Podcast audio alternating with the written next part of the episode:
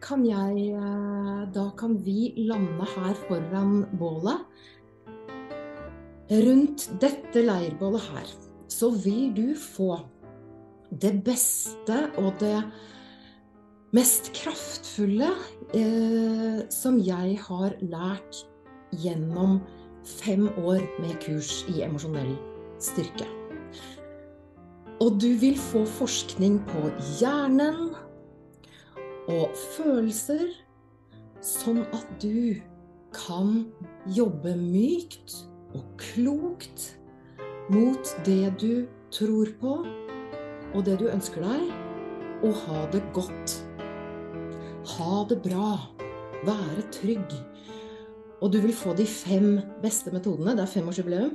Fem steg for å gjøre alle følelser til din styrke. Jeg er nysgjerrig på deg. Hva er det som har ført deg hit, til dette leirbålet? Og jeg, jeg må jo si at jeg lager meg noen historier. Jeg har tenkt en del på deg de siste månedene, for jeg har planlagt dette lenge. Eh, og jeg lager meg historier om at du kanskje er sliten, at du har jobba hardt lenge. Jeg tenker meg, og du må fortelle meg hvis jeg er helt på bærtur Du kan kanskje bli litt sånn oppgitt av å bli fortalt at du må jobbe hardt, og så må du jo også bli din beste versjon, ikke sant? Det skal vi jo gå rundt og være. Eh, det forteller jeg meg. Og så har du kanskje opplevd det at følelser, altså i det hele tatt eh, dette rike livet som vi har inni oss, da, at det kan bli sett på som litt sånn uprofesjonelt og svakt. Eh, I, I jobbsammenheng kanskje. Og kanskje har du hørt noen si til deg en gang Ikke vær så følsom, da. Og da har jeg kjempegode nyheter til deg. For nå er det din tur. Nå er det de følsommes tur. Og det kommer fra alle kanter nå. Det kommer fra næringslivet. Det kommer fra universitetene. Når kraftfull teknologi, kunstig intelligens, kommer og hjelper oss, så er det emosjonell innsikt som er det menneskelige gullet ditt. Og da kan jeg fortelle det at det at du har funnet veien hit til det emosjonelle treningsstudio, leirbålet, det er et tegn på at du ligger foran i løypa. Så jeg inviterer deg til å feire deg sjøl sammen med meg nå. Hvis du syns det er litt drøyt å eh, løfte, vifte med beina som jeg gjør, og løfte henda opp, så kan du tenke at du får det sånn strukket ut bak ryggen. Det trenger jeg nå etter en lang dag. Og du vil noe. Og det kan jeg bevise, for du velger å være her. Og før vi kommer til de fem eh, stegene, så er jeg også nysgjerrig på historien din. Og den kan du bare sitte og tenke mykt på. Du har jo din historie. Mange, mange historier har du. Og mens du tenker litt sånn lett på det, hva er din historie, så kan jeg fortelle litt om min vei til følelsene og den emosjonelle treningen. Hva er det som får en eh, siviløkonom, finansjournalist, til å begynne med slutte å jobbe hardt, begynne å jobbe mykt, bygge opp et treningsstudio på følelser? Og det er ikke godt å si, sikkert ikke for deg heller, hvor er det historien starter? Hvor er det en historie starter? Og jeg har nå kommet inn i en historie, fått kontakt med en historie. Historien min den starter i Åsgårdstrand, lille byen Åsgårdstrand i Vestfold. Der bodde jeg da jeg var liten jente. Og jeg var en sånn jente som gråt veldig lett. Jeg tok jeg, eh, Tårene trilla ganske fort på meg. Og det, det, det, var nok at pappa spilte gitar, og spilte gitar i moll. Og det er den eh, vemodige klangen. Da trillet tårene mine. Og jeg husker da han eh, skulle spille 'Pappa kom hem'. Pappa kom hem. Før jeg lengter efter deg Altså, jeg klarer ikke å synge den nå heller, uten å begynne å gråte på den. Men den, og nå kan jeg fortelle med en gang at jeg feirer disse tårene nå. Fordi at jeg vet hvor utrolig godt det er for oss å ha tilgangen på det. Jeg kjenner forskningen, og hvor lindrende de er. Hvordan det skaper kontakt mellom oss mennesker. Og jeg kan fortelle også det at uh, forskning på tårer, uh, de er dyrebare. Og det er så mye salter i tårer at det er veldig viktig å få dem ut i panna. For det er veldig bra for huden. Tårene er faktisk et sånt uh, fint for huden. Men i hvert fall det at jeg begynte å gråte så lett, og fortsatt gjør det. Det gjorde meg til et lett offer for dem som syntes det var gøy å få meg til å gråte på skolen. Og det var det eh, noen som syntes, særlig en gjeng med jenter, som eh, prøvde på forskjellige måter stikke av eh, Jeg husker at vi hadde en psykolog inne i klassen fordi det var så vanskelig. Det var så vondt, og dette fortsatte helt til sjette klasse på barneskolen. Og da var jeg så redd og ulykkelig på det tidspunktet at jeg bytta klasse. Da flytta jeg en klasse ned fra sjette klasse til femte klasse. Og i den nye klassen, der ble jeg tatt så varmt og klokt imot av en lærer, eh, lærer Samuelsen, som jeg fortsatt bærer med meg i hjertet mitt. Um, og hvis du er lærer, herlighet for en viktig jobb du gjør. Takk, takk. Og hvilke behov du dekker. Altså, jeg eh, feirer deg også.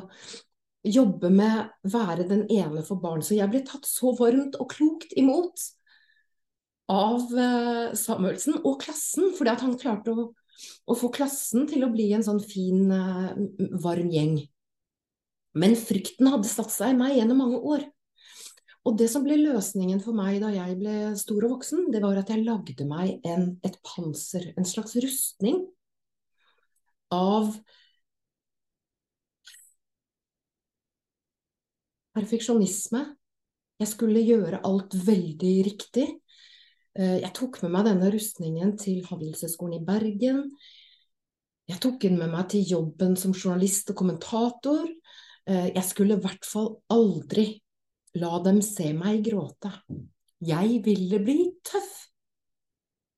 Så jeg kapsla inn sårbarhet i konkurranse, perfeksjonisme og ironi. Nå begynner det liksom det, det er virkelig ironi, sarkasme. Jeg skulle være smart. Og på den tida her så merka jeg ikke engang at jeg kunne såre mennesker rundt meg. Og inni denne her uh, kapselen så ble jeg sliten og jeg ble ensom, og til slutt så ble jeg ganske sjuk. Jeg ble deprimert. Og så Så skjedde det noe. Og dette er en sånn Dette er forskning også på depresjon. At en veldig nyttig vei ut av depresjon, hvis hvis du har uh, erfaring med det, om du har noen du kjenner som har vært det, blitt det, kanskje sitter du i noe av det selv. Jeg ble sinna. Sinne er en følelse som skyter oss ut av, uh, av tristhet. Så jeg ble så sinna, og jeg tenkte hvorfor skal jeg ha det så dårlig? Er jeg den eneste som har det sånn? Og så våkna journalisten i meg. Og da skjedde det. Da begynte jeg å lese alt jeg kom over av forskning på følelser. Om hjerneforskning, biokjemi, atferd. Og det, bare, det var som å poppe popkorn. Det var så masse aha-opplevelser. Og jeg traff så mye spennende, modige mennesker. Forskere, vanlige mennesker som vil finne ut av dette rare som skjer inni oss. Og jeg er så spent på hvordan det lander hos deg. Men det som skjedde hos meg, var at jeg fant ut wow, denne kunnskapen finnes. Forskningen på følelser finnes. Og etter hvert som jeg praktiserte og leste og lærte, så ble jeg både glad og fikk oppdrift og kom meg ut. Og da skjønte jeg det er det her som jeg vil drive med. Det er dette som er the missing link i næringslivet og arbeidslivet. Det er mennesker, det er oss. Hvordan vi har det. Relasjonene våre. Og den menneskelige superkraften som er alle følelsene. Som du vil bli kjent med i kveld, og gjøre til din styrke i kveld. Og nå er dette 13 år siden. Og jeg har jo skapt meg drømmejobben. Jeg får sitte her og holde leirbål. Og dere kommer. Og eh, jeg har skrevet tre bøker. Tre bestselgende bøker. 'Raushetens tid'. Det var den første eh, Det var den første følelsen fra misunnelse til beundring. Jeg skjønte at jeg var så misunnelig på folk. Og det kom i veien for at jeg hadde det bra. Så, så dette er en bok om åpenhet, misunnelse. Og så er det en, den neste. Det er 'Rosa er den nye punken'. Dette er et feminint jubelrop inn i økonomien og politikken. Uh, jeg kaller det Barbie for næringslivet. Og dette er rett og slett den mest rosa boka noen noensinne har sett. Og dette er den siste boken min, 'Den emosjonelle revolusjon'. Og dette satte i gang det emosjonelle treningsstudio som vi eh, Som du sitter i nå. Og daglig så får jeg e-poster fra kursdeltakere og kunder. I forrige uke så fikk jeg fra en eh, leder som jobber i et uh, selskap her nede på Skøyen, at hun turte liksom, Hun syntes det var skummelt å ta ordet i møter. Og nå gleder jeg meg til å holde foredrag, var det hun skrev i forrige uke. Uh, og, så, og, så, var det en annen som skrev i dag, faktisk. Uh, for en flaks at jeg snubla over deg på Facebook. Nå leser jeg liksom fra, fra e-posten her. Uh, før brukte jeg masse energi på å skjule følelsene mine. Nå kjenner jeg dem, og jeg bruker dem. Og de er virkelig blitt min styrke. Noen kjenner seg igjen, og andre kan kjenne igjen andre, men uansett så er vi sammen i den menneskelige erfaringen det er å ha et hva skal jeg si pulserende og relativt krevende og vidunderlig indre liv. Det er vårt indre liv vi feirer i dag. Og hvor er vi nå? Ja, nå sitter vi rundt leirbålet her. Og jeg har lyst til å ta deg med på hvor vi er i uh, næringslivet, samfunnslivet nå. Det er en liten sånn Først så går vi ut, og så får du de fem stegene. I arbeidslivet nå så endrer jobbene våre seg. Før så handlet jobbene våre om muskler. I dag, veldig lenge, har de uh, handlet om hjernen. I morgen så vil jobbene våre handle om hjertet. Og jeg er jo nysgjerrig på hva som skjer med deg når jeg sier det.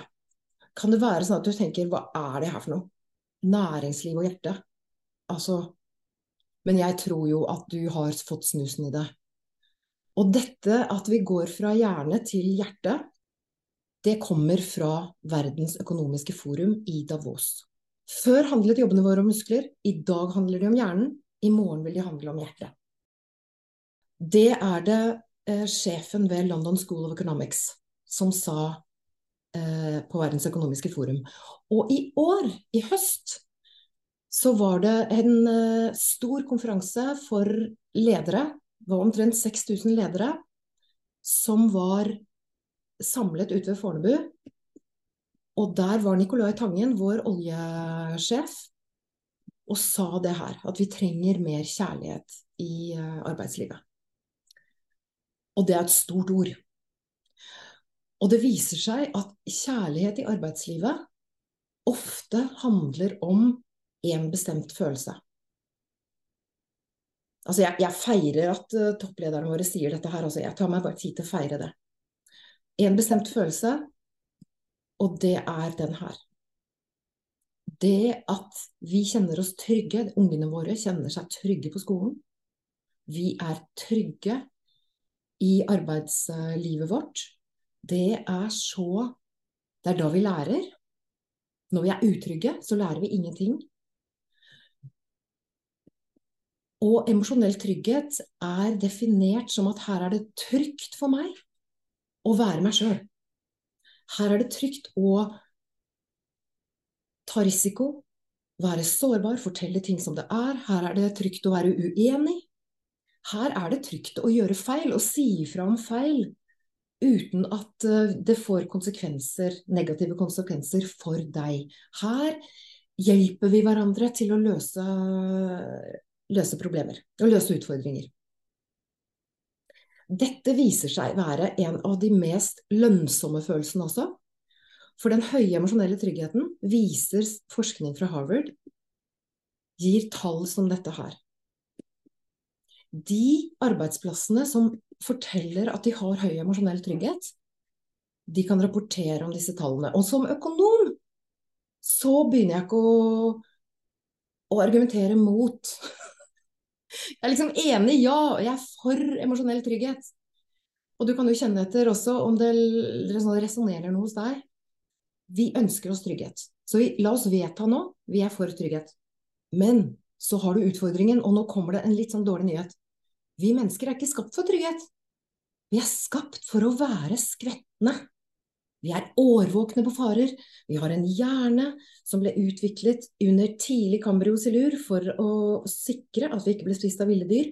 Så vårt stressnivå er ganske høyt fortsatt. Og de ville dyra i dag, det er jo ikke sabeltanntigre, og det er veldig lite av dem på Bislett, i hvert fall i kveld. Veldig få av dem. Men det er disse tankene om Er jeg trygg? Liker de meg? Hører jeg hjemme her? Kan jeg være meg sjøl her?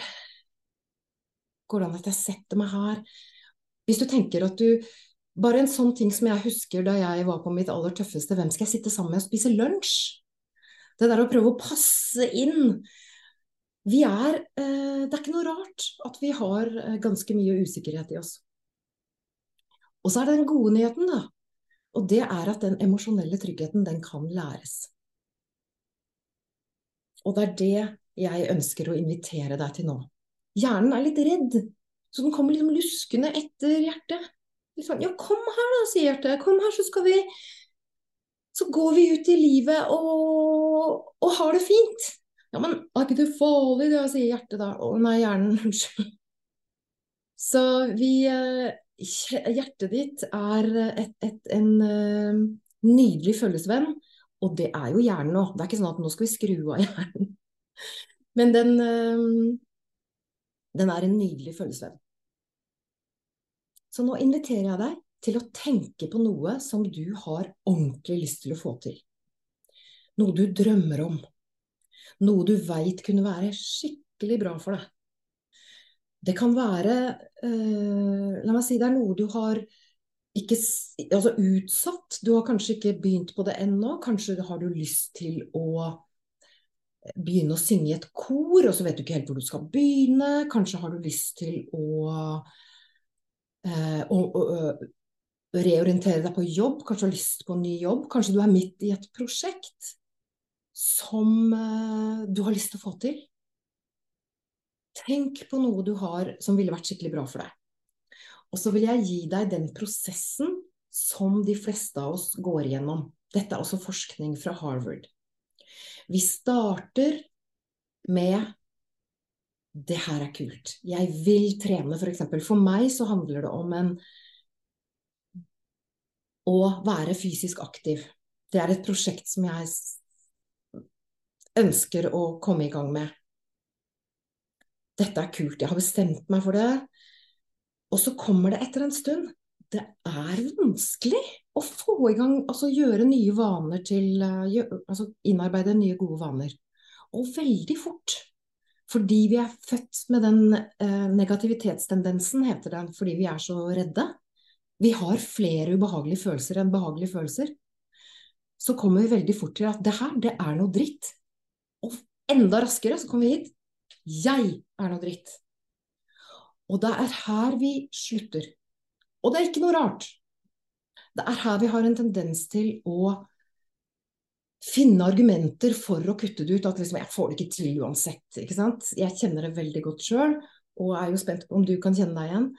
Dette her, det er prosjektets vinternatt. Her er det kaldt. Her er det ensomt.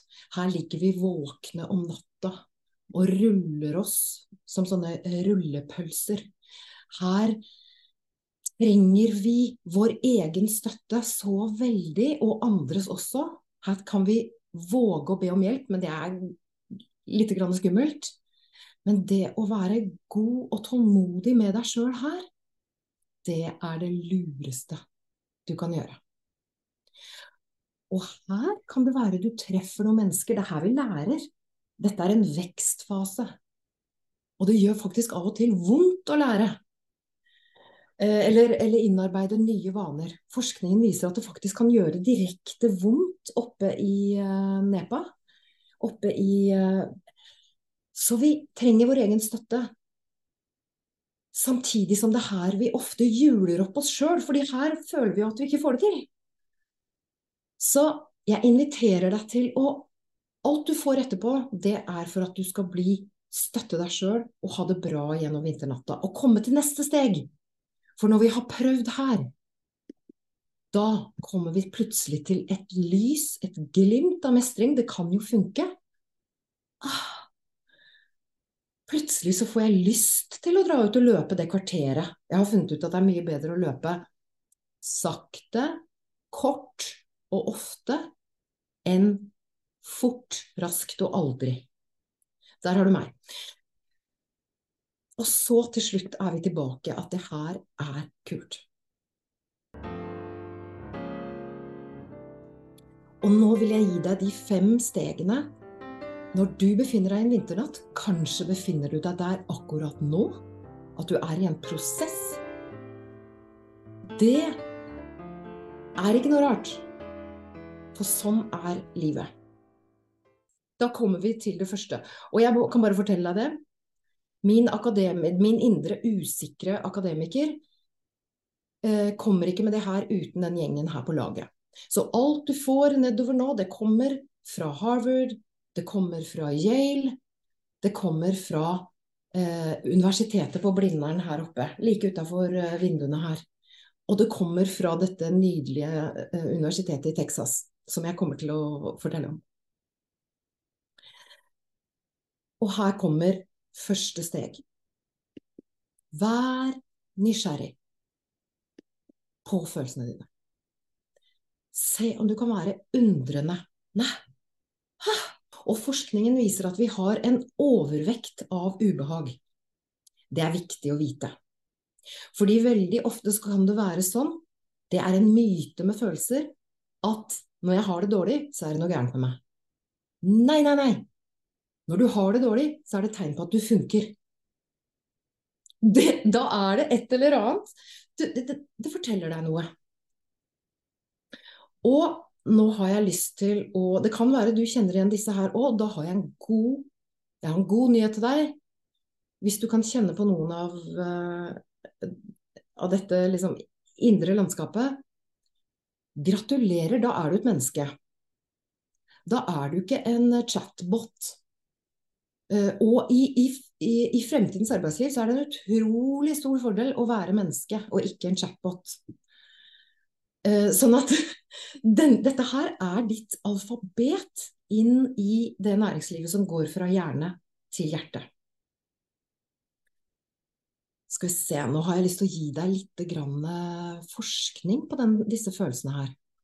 Vi kan ta glede, f.eks. Det er en myte om glede også.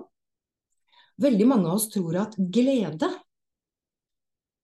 altså at lykke den følelsen av lykkefølelsen, det å være på et lykkelig sted i livet og sånn, det er forutsetningen for glede. Absolutt ikke. Glede, det får vi veldig ofte når noe ubehagelig slipper taket. Altså gleden over å sette seg inn i en varm bil når det er iskaldt ute. Eller sette på sånn varme i rumpa, som jeg bare tenker å takk for varme i rumpa, jeg har et sånt ritual når jeg fryser. Når noe ubehagelig slipper taket, så kjenner vi på glede og lettelse som å legge seg om kvelden når vi er slitne, f.eks.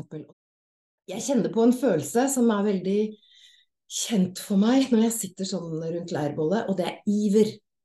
Så så glede kommer veldig ofte av at uh, kontrastene i livet Det er derfor det, det, det, at vi har kontraster i livet, er en god ting. Så det er forskningen på glede. Og så er det bekymring. Kan ikke overleve. Altså den letteste veien ut av bekymring. Den sikreste det er å akseptere å være nysgjerrig. Nei. Guri, nå bekymrer meg igjen, ja. ja. Det er jo ikke noe rart. Og se om du liksom kan tenke og lov. Takknemlighet er en veldig god vei ut av bekymring. Guri meg, takk for at jeg merker det. Takk for at jeg ikke er aleine om den bekymringen, for det er det mye av for tiden. Eh, takk for at det finnes folk som forsker på følelser. Der har jeg, det er veldig takknemlig. Og hele det vi er ute etter, det er den utvidelsen. Nå, nå, setter jeg meg litt sånn godt på Det, er en utvidelse vi opplever ved å bli kjent med disse følelsene og nysgjerrig på dem. Men hvilken av disse følelsene her er den aller viktigste for å ha en god emosjonell helse? Altså en god øh, Et sånt normalt, godt øh, psykisk helsenivå. Det er én bestemt følelse. Ømhet. Evnen til å romme ømhet, og aksept også. Altså, alle disse her er veldig høyt oppe. Takknemlighet også. Men akkurat ømhet Dette er forskning fra Ole André Solbakken ved Psykologisk institutt på Blindern, som viser det at evnen til at du kjenner på ømhet for deg selv, f.eks. i vinternatta, når du sliter, så er det sånn åh, Kjære, skjønne Eva. Kjære, skjønne Maren. Altså, kjære deg, det er ikke rart. Og ømhet er knyttet til egenomsorg. Og ømhet er knyttet til omsorg for andre. Og ømhet er en sånn følelse som som jeg hadde veldig lite av inne i denne rustningen. Og veldig mange av de som begynner på treningen med emosjonell styrke, forteller de gjenkjenner seg i den rustningen. Lite ømhet der. Og også ganske eh, litt sånn eh, Behandler seg sjøl ganske dårlig.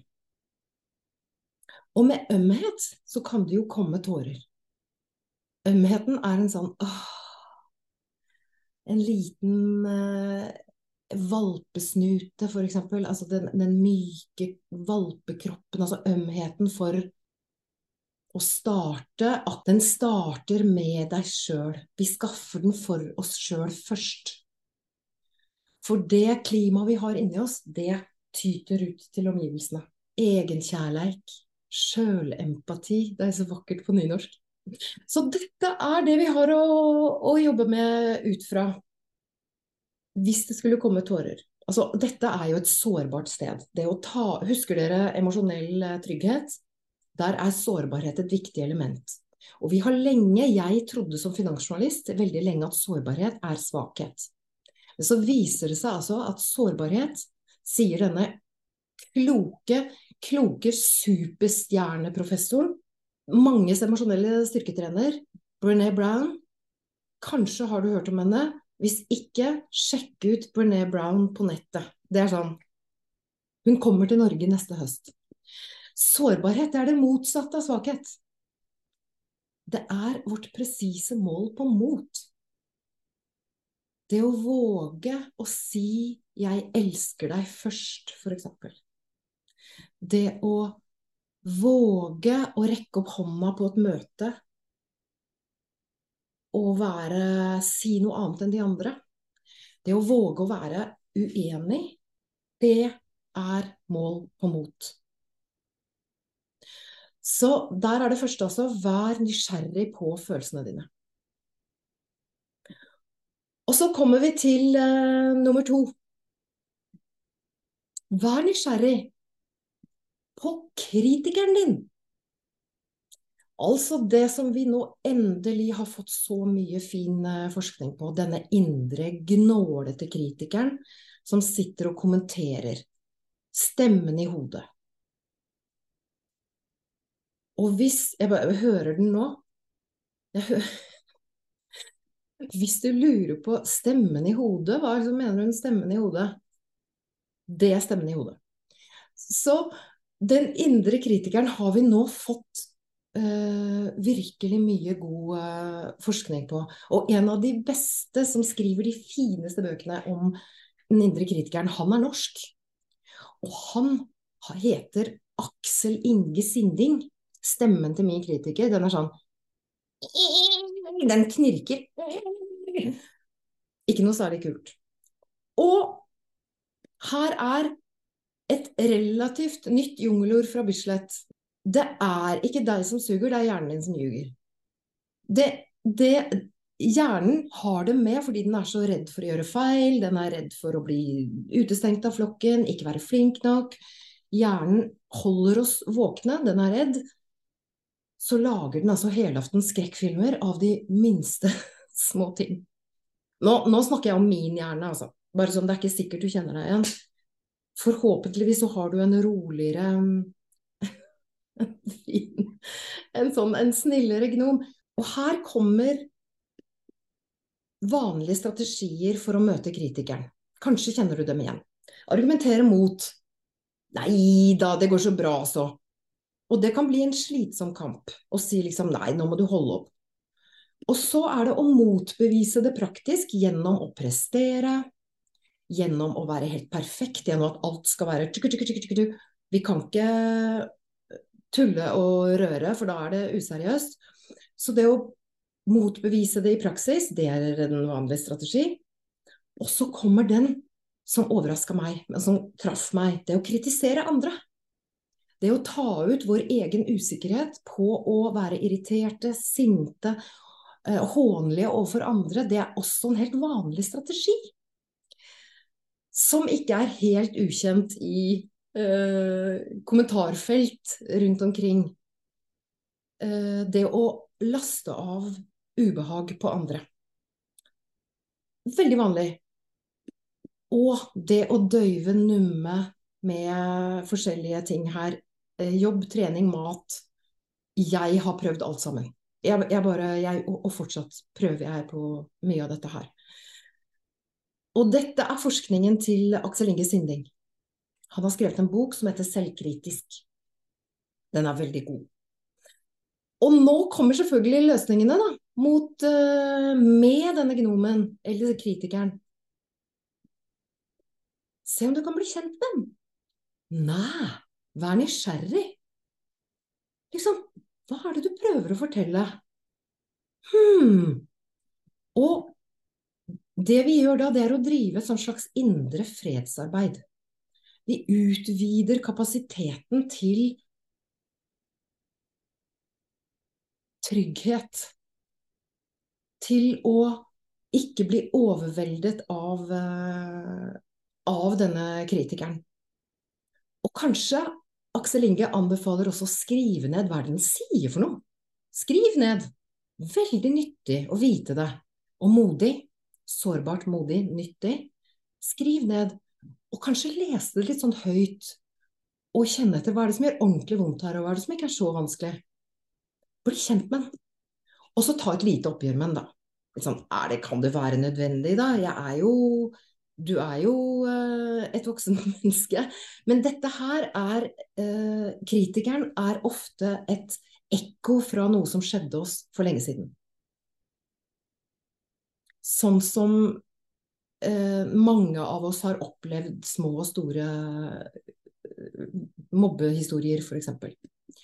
Og så er det å lære den opp til å bli en god, trygg følgesvenn. Og det fører oss til neste. Nummer tre. Metode nummer tre. Så først er det vær nysgjerrig på følelser. Undrende, utvidende. Nei, så gøy! Og så er det vær nysgjerrig på kritikeren.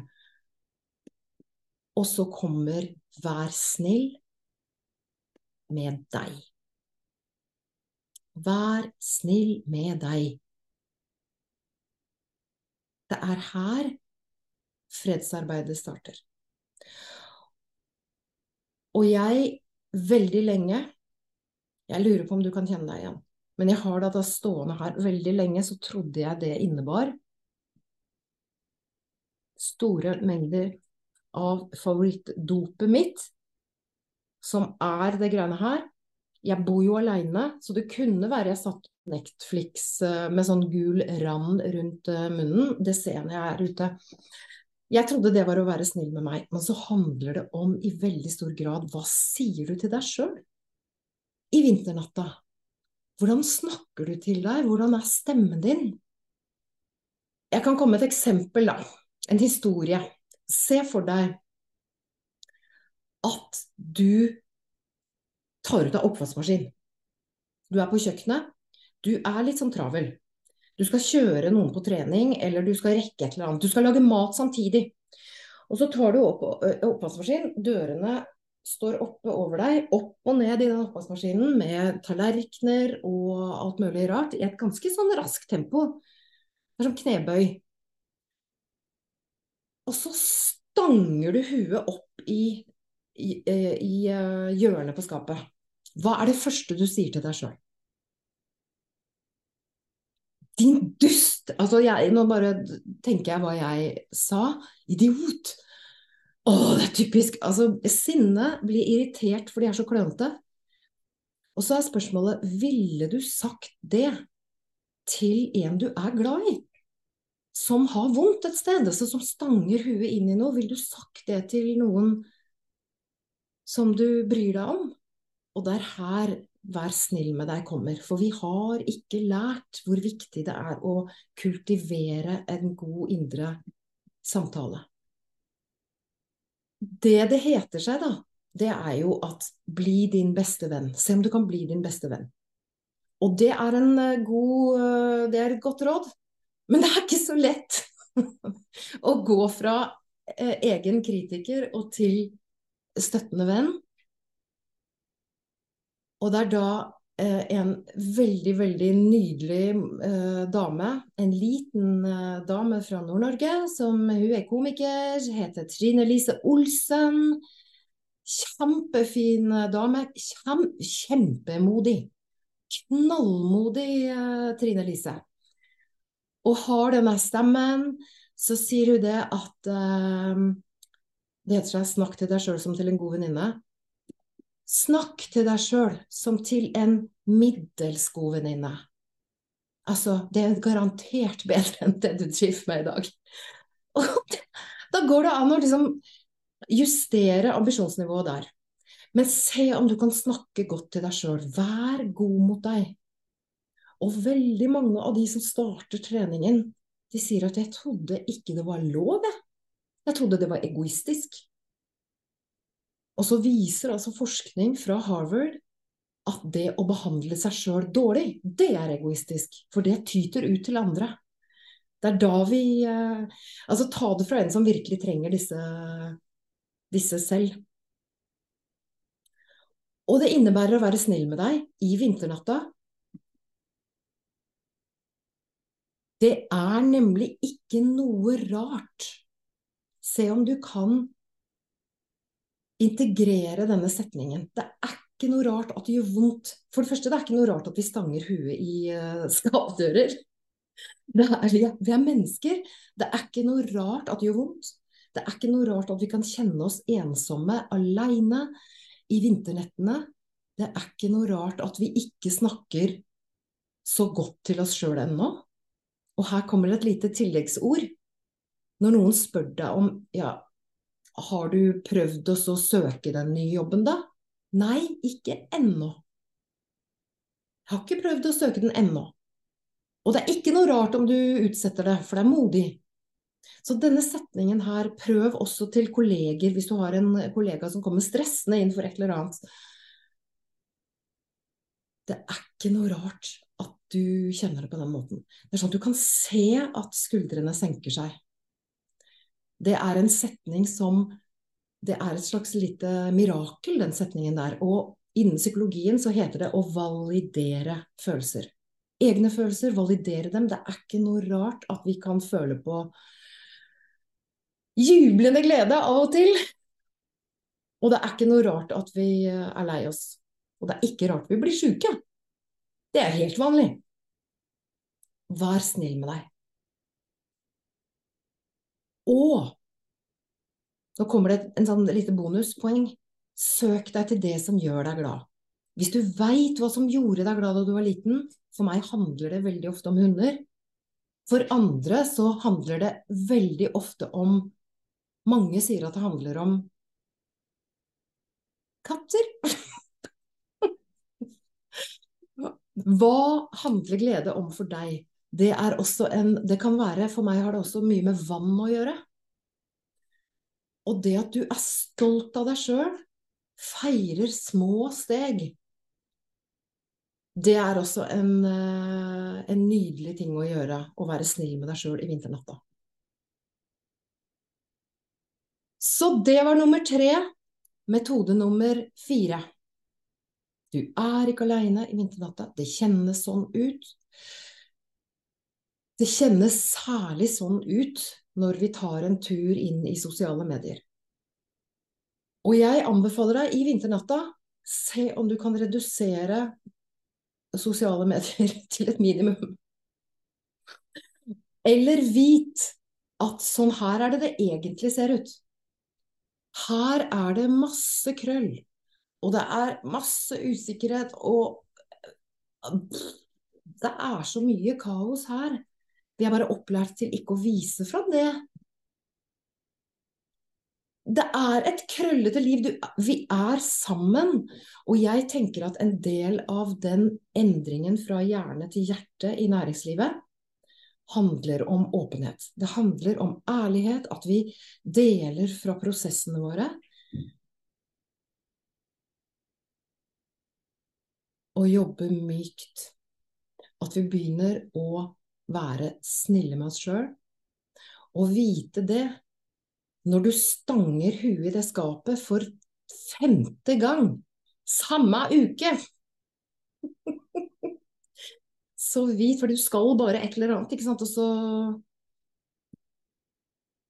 sklir vi på isen. Vi er fantastiske. Du er fantastisk, mennesker rundt deg er fantastiske. Mennesker rundt oss er også i sine vinternetter. Så møter du noen mennesker som oppfører seg rart eller er spydige, sintes, eh, så skyldes det sannsynligvis en vinternatt. Det er ikke noe rart at vi at vi eh, gjør eh, rare ting. Så husk at du er fantastisk. Siste metode. Du fortjener et støttende fellesskap i vinternatta og ellers. Og når jeg sier støttende fellesskap, så viser forskningen det at det er veldig stor forskjell for oss mennesker. Altså det handler om følelsen av tilhørighet. Det er veldig stor forskjell på å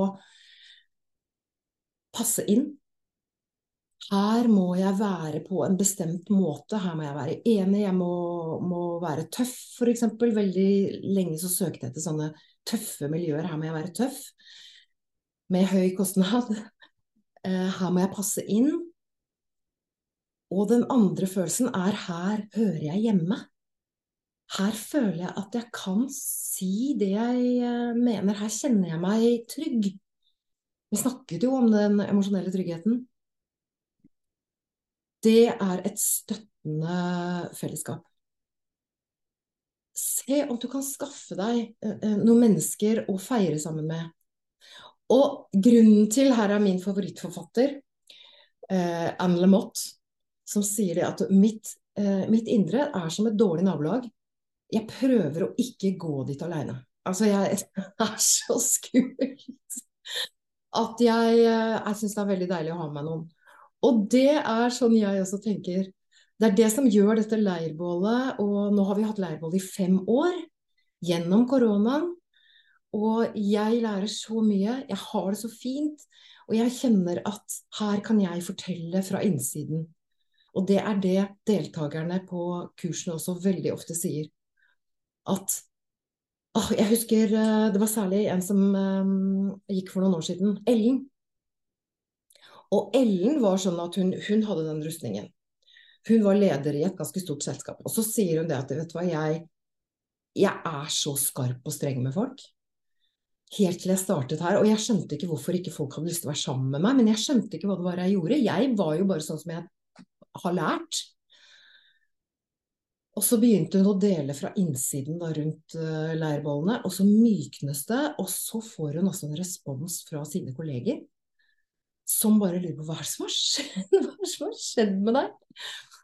Og da sier hun det at altså, hun, hun, opplevde jo det å, å bli liksom møtenes uh, varme bål selv. For disse leirbålene sprer seg til der vi er. Og det er faktisk så mange grunner til å være uh, tro på fremtiden. Så lenge bra folk som deg, som oss, går ut hver dag og gjør så godt vi kan, så kommer dette til å gå veldig fint. Og det leser vi ikke om i avisene. Men du kan vite det at hver eneste dag så skjer det fremskritt på veldig mange kanter. Men fellesskapet, altså, rundt leirbålet, du fortjener et veldig godt og støttende fellesskap. Og så får du en bonus. Og det er at jeg inviterer deg til å være glad for vinternettene dine. Dine historier som du kanskje eh, ikke liksom syns er så innmari stolt av, eller De når du tar eierskap til vinternettene dine, det er her gullet ditt ligger inn i det menneskesamfunnet vi er på vei inn i.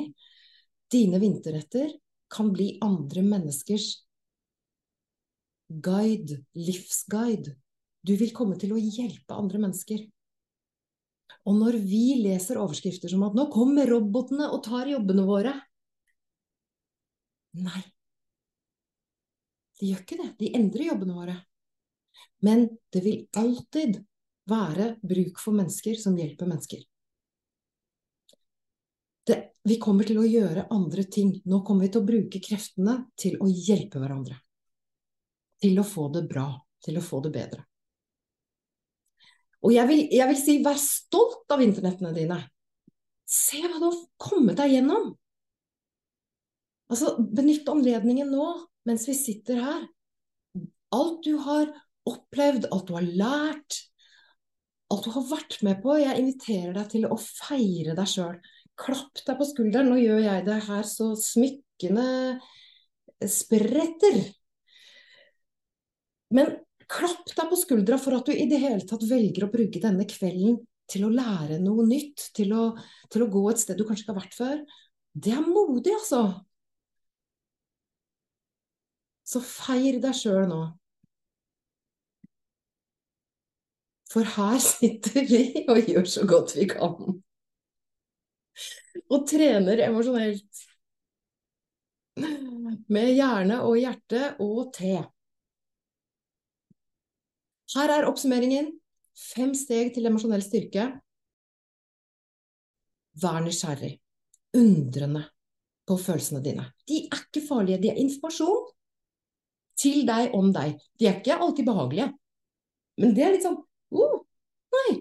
Hm. Nei. Da blei jeg irritert igjen, ja. Jeg er ikke sikker på om du visste det, men den mest utbredte følelsen på jobb, det er ikke glede. Det er irritasjon. Og jeg inviterer deg til å bli, være nysgjerrig på dem. Og vær nysgjerrig på kritikeren din. Gjør den til en god indre eh, konstruktiv kritiker. Oppdra den litt. Og da kommer vi til vær snill med deg.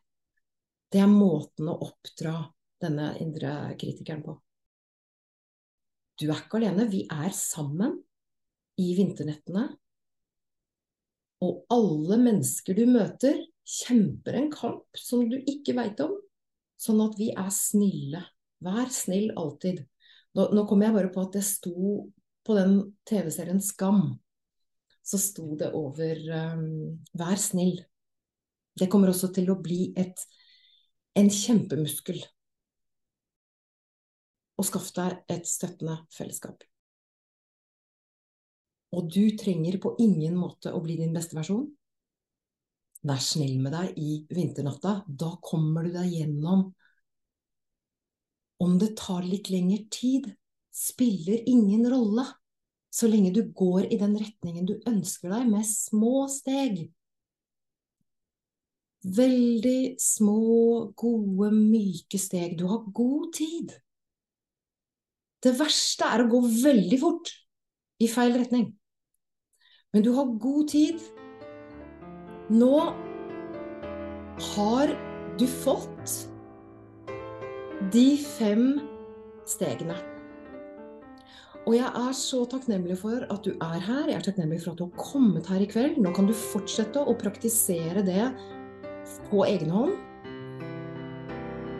Vær god og tålmodig med deg i vinternettene dine. Tusen takk for i kveld, alle sammen.